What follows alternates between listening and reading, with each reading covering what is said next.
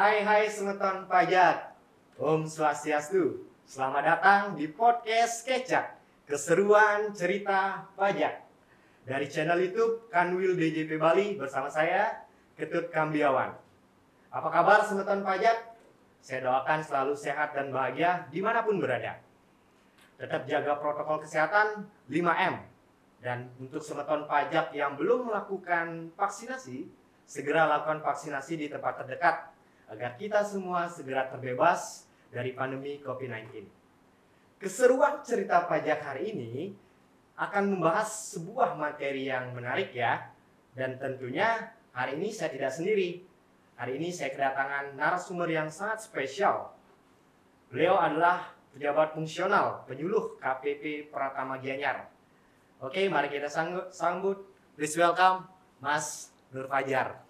Om Swastiastu, Hai Semeton Pajak, eh, salam sehat semuanya. Eh, senang rasanya saya dapat hadir pada podcast Kecak hari ini. Seperti dijelaskan tadi ya sama host kita, bahwa saya adalah penyuluh pajak dari KPP Pertama Gianyar. Nama saya adalah Nur Fajar, dan untuk lebih akrab bisa dipanggil Fajar saja. Oke, Mas Nur Fajar. Matur Suksme, terima kasih Mas Nur Fajar sudah hadir ke sini ya dari Gianyar. Berapa jam dari Gianyar Mas ke Denpasar? Saat ini masih bisa deh, tempuh 30 menit bisa lah. Oh, 30 menit sampai 45 menit ya. 40 menit lah. Oke, terima kasih. Saya yakin Mas Nur Fajar ke sini dengan hati yang gembira ya untuk berbagi bukan terpaksa kan? Tentu saja tidak. Sukarela kan ya? Sukarela soalnya sebagai seorang penyuluh pajak diberikan wadah seperti ini, saya pasti senang lah karena ini sebagai uh, wadah untuk menyampaikan informasi kepada masyarakat. Jadi saya datang ke sini tidak terpaksa, pasti sukarela. Hmm, ngomong-ngomong masalah sukarela nih Mas. Kemarin saya sempat nonton berita nih, juga eh, sering muncul berseliweran di sosial media katanya pemerintah menerbitkan program baru namanya kalau nggak salah program pengungkapan sukarela. Nah, saya yakin Mas pasti sudah tahu dong. Kira-kira bisa dibagikan kepada semeton pajak nggak apa sih sebenarnya program pengungkapan sukarela itu? Oke, jadi sebelum ke sana ya kita harus tahu dulu asal mulanya. Jadi karena pesatnya perubahan dalam kegiatan ekonomi dan DJP harus bisa mengimbanginya, maka pemerintah di dalam hal ini DJP menerbitkan undang-undang baru yaitu Undang-Undang Nomor 7 Tahun 2021 tentang harmonisasi peraturan perpajakan atau kita bisa sebut Undang-Undang HPP. Undang-undang harmonisasi perpajakan atau akan dikenal dengan Undang-Undang HPP ya? Betul. Baru ya itu ya? Baru sekali. Oke, berarti itu undang-undang baru dong? Maksudnya eh, undang-undang lama diganti atau gimana seperti itu? Eh, jadi sama halnya Undang-Undang Cipta Karya yang sudah diterbitkan tahun lalu, terbitnya satu Undang-Undang HPP ini juga mengubah beberapa aturan lain, yaitu Undang-Undang KUP, Undang-Undang PPN, Undang-Undang PPH, dan Undang-Undang Cukai. Selain mengubah empat eh, undang-undang yang tadi, Undang-Undang HPP ini juga memperkenalkan nih program baru. Yang pertama adalah program pengampunan program pengungkapan sukarela dan yang kedua adalah pajak karbon. Oke, berarti dengan adanya undang-undang baru ini harmonisasi perpajakan, eh, saya prediksi kemungkinan eh, pengetahuan masyarakat tentang pajak mungkin akan berubah. Bukan hanya masyarakat, saya sendiri yang eh, notabene adalah pegawai DJP, waktu kuliah belajar tentang undang-undang KUP, undang-undang PPH, undang-undang PPN, apakah akan tidak tergoyah nih pemikiran saya ada undang-undang baru atau saya harus belajar hal-hal baru lagi gitu? Tidak sampai seperti itu sih. Jadi eh, undang-undang HPP ini hanya mengubah beberapa pasal saja pada aturan atau undang-undang ex- existing. Karena berbagai alasan. Yang pertama adalah untuk mengikuti perkembangan zaman, yang kedua untuk mendukung reformasi perpajakan dan yang ketiga adalah optimalisasi penerimaan pajak. Nah, alasan yang terakhir inilah yang menjadikan dasar pemerintah menerbitkan program baru yaitu program pengungkapan sukarela atau biasa kita sebut PPS. Oh, PPS. Berarti u- Undang-Undang HPP, harmonisasi perpajakan di dalamnya ada program pengungkapan sukarela gitu ya. Betul seperti itu. Nah, masyarakat atau semeton pajak mungkin tentunya penasaran nih, kira-kira eh, kapan sih akan berlakunya eh, Undang-Undang HPP ini, Mas? Ya, jadi karena undang-undang HPP ini mengatur banyak undang-undang existing, jadi perlu ada penyesuaian masa berlaku. Eh, perubahan undang-undang KOP dan undang-undang cukai sendiri sudah mulai berlaku sejak undang-undang ini diterbitkan atau diundangkan, yaitu per tanggal 29 Oktober 2021. Dan untuk undang-undang PPH rencananya akan mulai berlaku per 1 Januari 2022. Sedangkan untuk Undang-Undang PPN akan mulai berlaku per tanggal 1 April 2022. Sedangkan khusus untuk PPS program pengungkapan se, uh, sukarela yang tadi akan berlaku selama enam bulan mulai 1 Januari 2022 hingga 30 Juni 2022. Oke, berarti program pengungkapan sukarela ini hanya berlaku enam bulan Ternyata enam bulan semeton pajak hanya berlaku enam bulan saja mulai dari tanggal 1 Januari 2022 sampai dengan 30 April tahun 2022. Nah, ini kan program pengungkapan sukarelanya hanya enam bulan saja.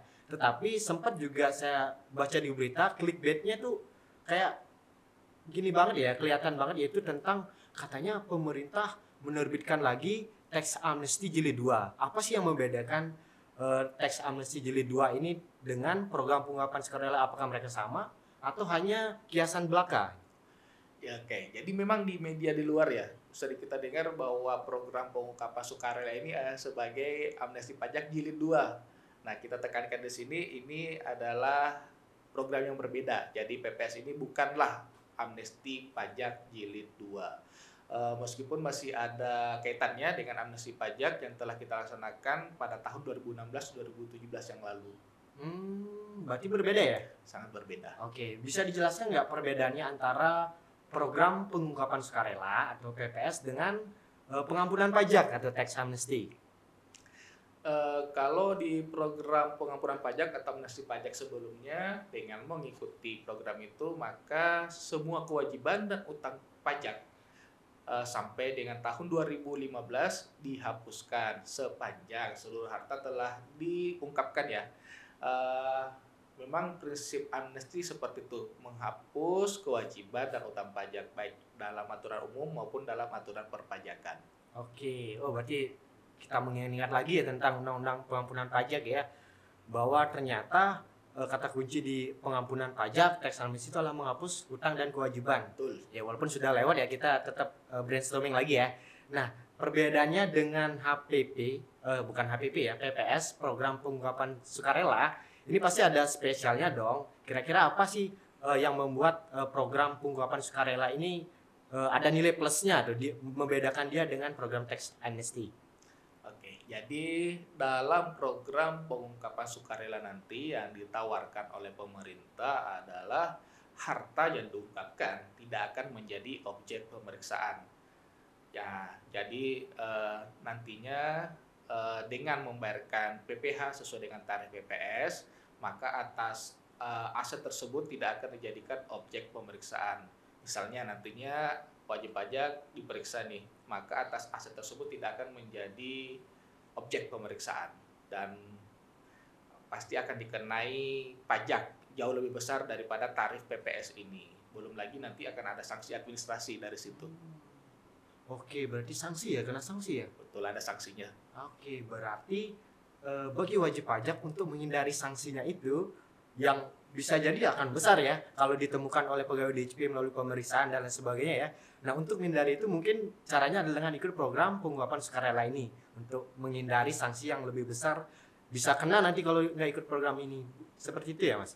Betul. Jadi di sini DJP menawarkan kepada wajib pajak ayo segera ungkap harta yang belum dilaporkan di SPT atau di pelaporannya ya maka akan diberikan uh, tarif yang lebih rendah dan uh, tidak akan yang pasti tidak akan dikenakan, dikenakan sanksi administrasi ya seperti yang tadi saya sebutkan. Uh, tapi perlu ditekankan lagi bahwa hanya asetnya saja yang di, tidak dijadikan objek pemeriksaan. Jadi tidak uh, kewajiban dan utang pajaknya tidak akan dihapus ya karena sekali lagi uh, ditekankan di sini bahwa ini bukanlah amnesti pajak cakep berarti ka- udah ditegaskan lagi ya beda ya dengan amnesti pajak lah. Nah sekarang saya yakin semeton pajak pasti pada penasaran nih. Tadi udah dijelasin apa itu PPS, perbedaannya dengan pengampunan pajak. Nah kira-kira berapa sih tarifnya biar semeton pajak atau wajib pajak ini tahu menyiapkan diri. Oh kalau saya ikut program ini saya harus bayar berapa sih? Berapa sih saya kena tarif? Nah sekarang Mas Fajar silakan bocorkan nih rahasianya. Berapa sih sebenarnya tarif program pengungkapan sementara eh, sukarela itu? Oke, jadi dalam program pengungkapan sukarela ini terdapat dua kebijakan. Ah, kebijakan pertama dulu ya kita bahas ya. Jadi kebijakan pertama itu khusus untuk wajib pajak orang pribadi maupun wajib pajak badan yang sebelumnya telah mengikuti amnesti pajak di tahun 2016-2017 yang lalu. Eh, jika masih ada aset atau harta yang belum dilaporkan atau belum diungkap, eh, ini untuk eh, aset per 31 Desember 2015 ya. Eh, jika itu belum diungkap dan saat, saat mengikuti amnesti pajak, maka eh, harta yang dideklarasi dari luar negeri atau sekedar diungkapkan saja tarifnya adalah 11%. Oke, se- sedangkan untuk harta di luar negeri yang bersedia untuk direpatriasi ke dalam negeri maupun harta yang sudah berada dalam negeri eh, itu tarifnya sebesar 8%. Nah, tarif 8% ini bisa turun lagi menjadi 6% jika harta tersebut diinvestasikan dalam surat berharga negara atau untuk sektor hilirisasi atau untuk proyek eh, energi terbarukan. Wow, ternyata bukan tarif tunggal ya. Saya kira tarifnya cuma satu. Ternyata beda-beda ya. Berarti semeton pajak nih ternyata tarif untuk program pengungkapan sukarela ini ada tiga. Nah ini kebijakan satu nih ada tiga tarif berbeda-beda. Tapi ini diberikan kepada ingat ya wajib pajak OP badan yang sudah pernah ikut tax amnesty atau kita sebut saja mereka itu adalah alumni TA ya. Jadi kebijakan satu ini untuk para alumni TA kalau ikut program PPS, PPS, maka dia akan kena tiga tarif. Saya ulang ya, tiga tarif. Yang pertama tarifnya adalah 6% apabila wajib pajak tersebut ada aset dalam negeri dan aset di luar negeri yang direpatriasi. Teman-teman tahu semeton pajak tahu repatriasi ya. Jadi diungkapkan ke dalam negeri, dibawa ke dalam negeri. Nah, apabila itu di aset dalam negeri dan luar negeri yang sudah direpatriasi diinvestasikan ke surat berharga negara, kemudian sektor hilirisasi sumber daya alam ya, kemudian energi terbarukan maka akan kena tarif 6%. Kemudian akan kena tarif 8% apabila aset yang saya bilang tadi yang dalam negeri dan luar negeri yang direpatriasi tidak diinvestasikan ke surat berharga negara, sumber daya alam ataupun energi terbarukan di dalam negeri. Nah, kalau misalnya eh, ada aset yang ditaruh di luar negeri dan tidak mau direpatriasi ke dalam negeri dan ikut program PPS ini maka akan kena tarif besar yaitu 11% ya. Berarti 6, 8 dan 11%. Benar seperti itu, Mas? Iya benar seperti itu. Jadi memang sektor-sektor tadi itu memang eh, sektor yang sedang ingin didorong oleh pemerintah. Eh, misalnya untuk surat berharga negara ini adalah salah satu sumber pendanaan pembangunan nasional. Eh, apalagi dalam kondisi seperti saat ini masih pandemi COVID-19 ya. Eh, kebutuhan negara kan kita masih banyak ya. Padahal penerimaan pajak sudah mulai tergerus. Jadi salah satu solusinya adalah pendanaan masyarakat melalui surat berharga negara ini. Eh, sedangkan untuk industri hilirisasi memang diarahkan agar Indonesia ke depannya tidak hanya mengekspor bahan mentah saja, jadi bisa mengekspor hasil eh, alam yang sudah diolah dan memiliki nilai tambah. Misalnya jika dulu kita mengekspor biji nikel saja, diharapkan nanti ke depannya Indonesia bisa mengekspor biji nikel dalam bentuk baterai untuk mobil listrik. Sedangkan untuk energi terbarukan sesuai dengan upaya internasional untuk mengurangi eh, pemanasan global, nah proyek ini kan juga eh, membutuhkan dana nih. Jadi eh, misalnya untuk pembangunan sumber eh, pembangkit listrik tenaga surya itu kan sangat membutuhkan dana. Jadi pendanaan swasta dari eh, kegiatan ini diharapkan eh, bisa memperbanyak eh, dan bisa lebih ekonomis nantinya. Oke, keren sekali ya. Uh, saya semakin bangga dengan pemerintah kita ya. Ternyata membuat program itu tidak hanya sekedar membuat aja, sangat memperhatikan hal-hal lainnya. Seperti ini program uh, undang-undang harmonisasi perpajakan ini ya. Tidak hanya untuk mengejar penerimaan negara. Ya, wajar sih karena kita kan sedang dalam uh, apa ya? Pandemi ya, masa pandemi perekonomian uh, turun drastis ya walaupun sekarang udah membaik, negara butuh biaya yang besar juga untuk uh, membiayai kegiatan pemerintah dan ternyata pemerintah juga uh, memperhatikan kelestarian alam. Jadi tetap menjaga lingkungan. Benar seperti itu ya? Ya seperti itu. Makanya ya bagi wajib pajak orang pribadi dan wajib pajak badan jika masih memiliki uh, harta yang belum dilaporkan dan pernah mengikuti amnesti pajak, segera manfaatkan program pengungkapan sukarela ini ya. Oke, benar ya. Jadi ada asas win-win solution ya. Keren sekali. Jadi gimana tuh jadi pemerintah DJP dapat menerima negara nih. Wajib pajak yang ikut program ini dapat tarif kecil bayangin 6% paling kecil. Dapat tarif kecil dan tidak kena sanksi kalau misalnya ikut program ini kemudian yang paling penting lingkungan tetap terjaga karena udah diatur melalui undang-undang pajak atas karbon dan lain sebagainya jadi uh, uh, semuanya uh, berdampak baik gitu antara pemerintah, wajib pajak dan lingkungan. Seperti itu. Benar ya, Mas? Iya, betul seperti itu. Jadi memang kita mendorong semua wajib pajak untuk mengikuti program ini karena banyak sekali manfaat yang bisa diambil. Hmm, ya. Tadi kan udah dibilang bahwa kebijakan satu PPS ini untuk wajib pajak badan OP, badan dan OP yang menjadi peserta TA, benar kan? Betul. Nah, bagaimana dengan wajib pajak nih semeton pajak mungkin wah waktu dulu saya nggak sempat ikut TA nih, apakah saya bisa ikut PPS ini? Nah, akan jadi pertanyaan dong di masyarakat. Nah, bagaimana Mas? Apakah yang nggak ikut TA tahun 2016 sampai 17 itu apakah bisa memanfaatkan program pengungkapan sukarela ini?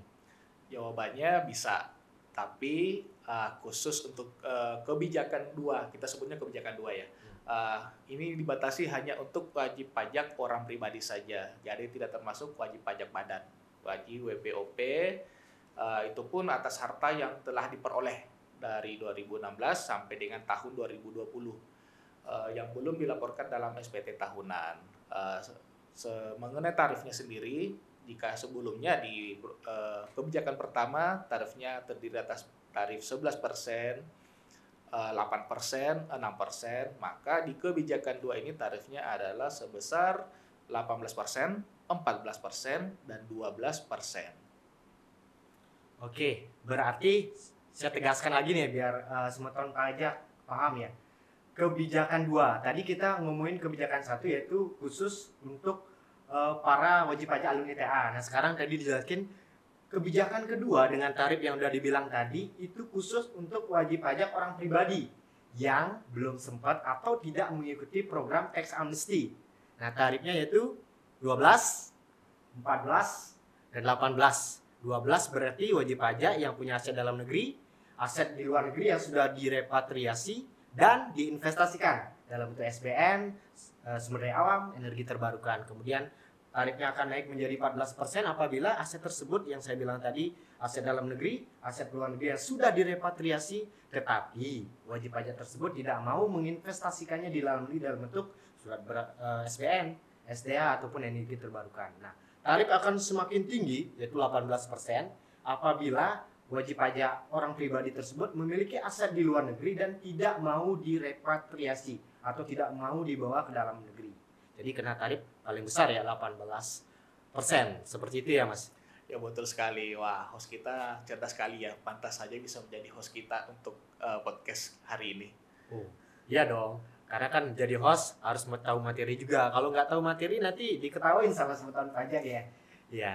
Tapi uh, intinya adalah uh, uh, bahwa program uh, kebijak program PPS ini kebijakan dua ini adalah uh, program yang akan bermanfaat uh, kepada semua orang ya, entah itu dari negara melalui instansi DJP, kemudian wajib pajak dan lingkungan. Dan ini adalah uh, program yang uh, apa ya, yang bertujuan uh, untuk eh, apa ya selain eh, tadi yang bilang tadi ya selain penerimaan negara juga untuk lingkungan. Nah saya yakin eh, wajib pajak eh, semeton pajak pasti sudah paham ya dan tentunya eh, dilakukan dengan sukarela, benar ya? Betul, dan sesuai dengan topik kita pada hari ini, pengungkapan sukarela. Jadi ya, host, narasumber, dan wajib pajak diharapkan juga bisa mengikuti program sukarela ini ya. Oke, nah sekarang pertanyaan mungkin eh, dari sentuhan pajak ya. Tadi kan udah tahu nih ada kebijakan satu, kebijakan dua, tarifnya berapa. Ini yang paling penting nih, yang ditunggu-tunggu semeton pajak nih. Kalau misalnya ada semeton pajak nih, ingin ikut program ini, walaupun belum boleh sekarang nih, tunggu nanti 1 Januari 2022. Nah, bagaimana sih caranya agar wajib pajak bisa ikut program ini? Dia harus lapor ke mana? Menggunakan apa? Apakah bisa online atau masih tetap manual? Mungkin Mas Fajar bisa sharing kepada semeton pajak mungkin ya. Oke, jadi untuk teknis pelaksananya sendiri sampai saat ini masih diproses ya di kantor pusat masih digodok. Jadi kita tunggu saja aturannya dinantikan ya eh, untuk eh, aturan turunan dari undang-undang HPP ini Eh, segera terbit yang pasti sebelum 1 Januari 2022. Eh, yang bisa saya kasih bocoran nih nanti untuk pelaporannya untuk mengikuti DPS ini tidak lewat manual lagi, bukan manual lagi. Jadi secara online melalui laman DJP online. Wow, online keren sekali. Pemerintah udah luar biasa sekali ya. Eh, kalau kita ngingat nih waktu tax amnesty dulu nih 2016 2017 tuh kan eh, mayoritas masih offline ya. Di mana di kantor pajak di seluruh Indonesia tuh ramai sekali orang yang ikut tax amnesty, antri dari pagi sampai malam ya karena masih offline. Nah, sekarang dengan program pengungkapan sukarela yang rencananya akan di eh, ditawarkan atau bisa dilajukan secara online ini tentunya akan sangat membantu entah itu dari eh, DJP maupun dari wajib pajak. Iya, benar ya? Ya, jadi kita tidak menerima eh, pelaporan secara manual lagi seperti yang amnesti sebelumnya. Eh, karena beberapa tahun ke belakang ini juga kita lihat ya masyarakat sudah sangat fasih dalam penggunaan gadget, gawai, dan penggunaan media sosial. Eh, bahkan untuk di sektor pendidikan saja dari PAUD saja sudah melaksanakan pendidikan jarak jauh lewat online. Masa iya untuk urusan pajak saja kita masih harus kembali ke manual. Jadi kita dorong masyarakat juga untuk menggunakan secara online. Nah, kalau ini saya setuju nih karena sega- sekarang semua udah berbasis gini ya, berbasis teknologi ya. Bayangin anak kecil sekarang sudah bisa menggunakan handphone sampai orang tua. Ponakan saya udah main YouTube, main Instagram dan sebagainya. Jadi penting sekali dengan menggunakan handphone ini, teknologi ini, internet ini semuanya akan dipermudah. Apalagi nanti program pengungkapan sukarela ini bisa diajukan secara online. Betul sekali. Jadi untuk para semeton pajak yang saat ini menyaksikan podcast kita lewat HP, jangan lupa cari informasi juga nih soal perpajakan lewat online dengan cara mengikuti eh, akun Instagram resmi kami untuk mendapatkan informasi tentang perpajakan. Hmm, iya benar ya. Jadi bisa melalui akun-akun media sosial. Contohnya di eh, media sosialnya Kanwil DJP Bali. Jadi para semeton pajak, ayo silakan follow akun Instagram Kanwil DJP Bali @pajak Bali atau bisa melalui Facebook, Twitter ataupun yang paling penting yang semeton pajak sekarang lagi tonton nih eh, podcast kita di YouTube yaitu podcast Kecak. Keseruan cerita pajak. Ya, karena di sana akan ada banyak informasi penting ya tentang pajak isu-isu terkini. Dan memang harus kita ikuti. Kenapa? Karena eh, gini saya pernah mendengar sebuah eh, ungkapan ya dari seorang leluhur ya Albert Einstein pernah bilang bahwa kita tidak akan bisa menghindar dari dua hal. Mas dari dua hal mas. Yang pertama katanya kematian ternyata yang kedua adalah pajak wih pajak begitu powerful ya jadi penting untuk kita hanya sekedar tahu nggak apa yang penting tahu tentang apa itu pajak ca- cara lapornya gimana dan lain sebagainya Gitu ya. Jadi eh, semua kantor pajak sudah punya akun resminya juga ya. Jadi Oh, iya. ya jadi seperti tadi sebutkan kalau Kanwil DJP Bali bisa ikuti atau follow @pajak Bali. Nah, misalnya untuk KPP nih, nah, contohnya saya dari KPP Pratama Gianyar untuk wajib pajak di wilayah kerja KPP Pratama Gianyar, silakan di follow ya Instagram resmi kami yaitu di @pajakgianyar. Begitu pula untuk kantor-kantor lainnya eh, nama akun Instagramnya itu biasanya @pajak sesuai dengan nama kotanya seperti itu. Jadi jangan lupa di follow untuk mencari informasi tentang perpajakan. Jadi sambil scroll-scroll nih Instagram, lihat-lihat Instagramnya artis-artis, cari-cari spot pari- eh, yang lagi bagus atau cari-cari makanan yang lagi hits di Instagram. Nah, kita juga bisanya mendapatkan informasi perpajakan melalui Instagram resmi kantor-kantor pajak di bawah naungan Kanwil DJP Bali. Hmm, ya. Berarti selain Instagram, Semeton Pajak juga bisa bantu kita ya di Kanwil DJP Bali. Apabila eh, kegiatan podcast ini dirasa ada saran atau komentar, silakan klik di kolom komentar di bawah ya. Nah, Oke, Mas Fajar, demikian diskusi hangat kita hari ini ya. Diskusinya menarik sekali. Terima kasih. Atur suksma kata orang Bali. Nah, jadi Semeton Pajak, Semeton Pajak bahwa eh, program pengungkapan sukarela ini ingat ya, bukan amnesti jilid 2. Jadi ya, bukan amnesti jilid 2. Jadi program pengungkapan sukarela ini akan mulai berlaku di tanggal 1 Januari 2022 sampai dengan tanggal 30 Juni 2022. 2022. Jadi 6 bulan. Ini adalah program yang sangat keren ya dan patut kita tunggu nanti di tahun depan. Baik, terima kasih kepada Mas Nur Pajar eh, sudah sharing hari ini. Eh, podcast kali ini semoga bermanfaat tentunya buat para semeton pajak. Sekian dari kami bersama saya Ketut Kambiawan. Dan saya Nur Fajar. Salam dari Kanwil DJP Bali.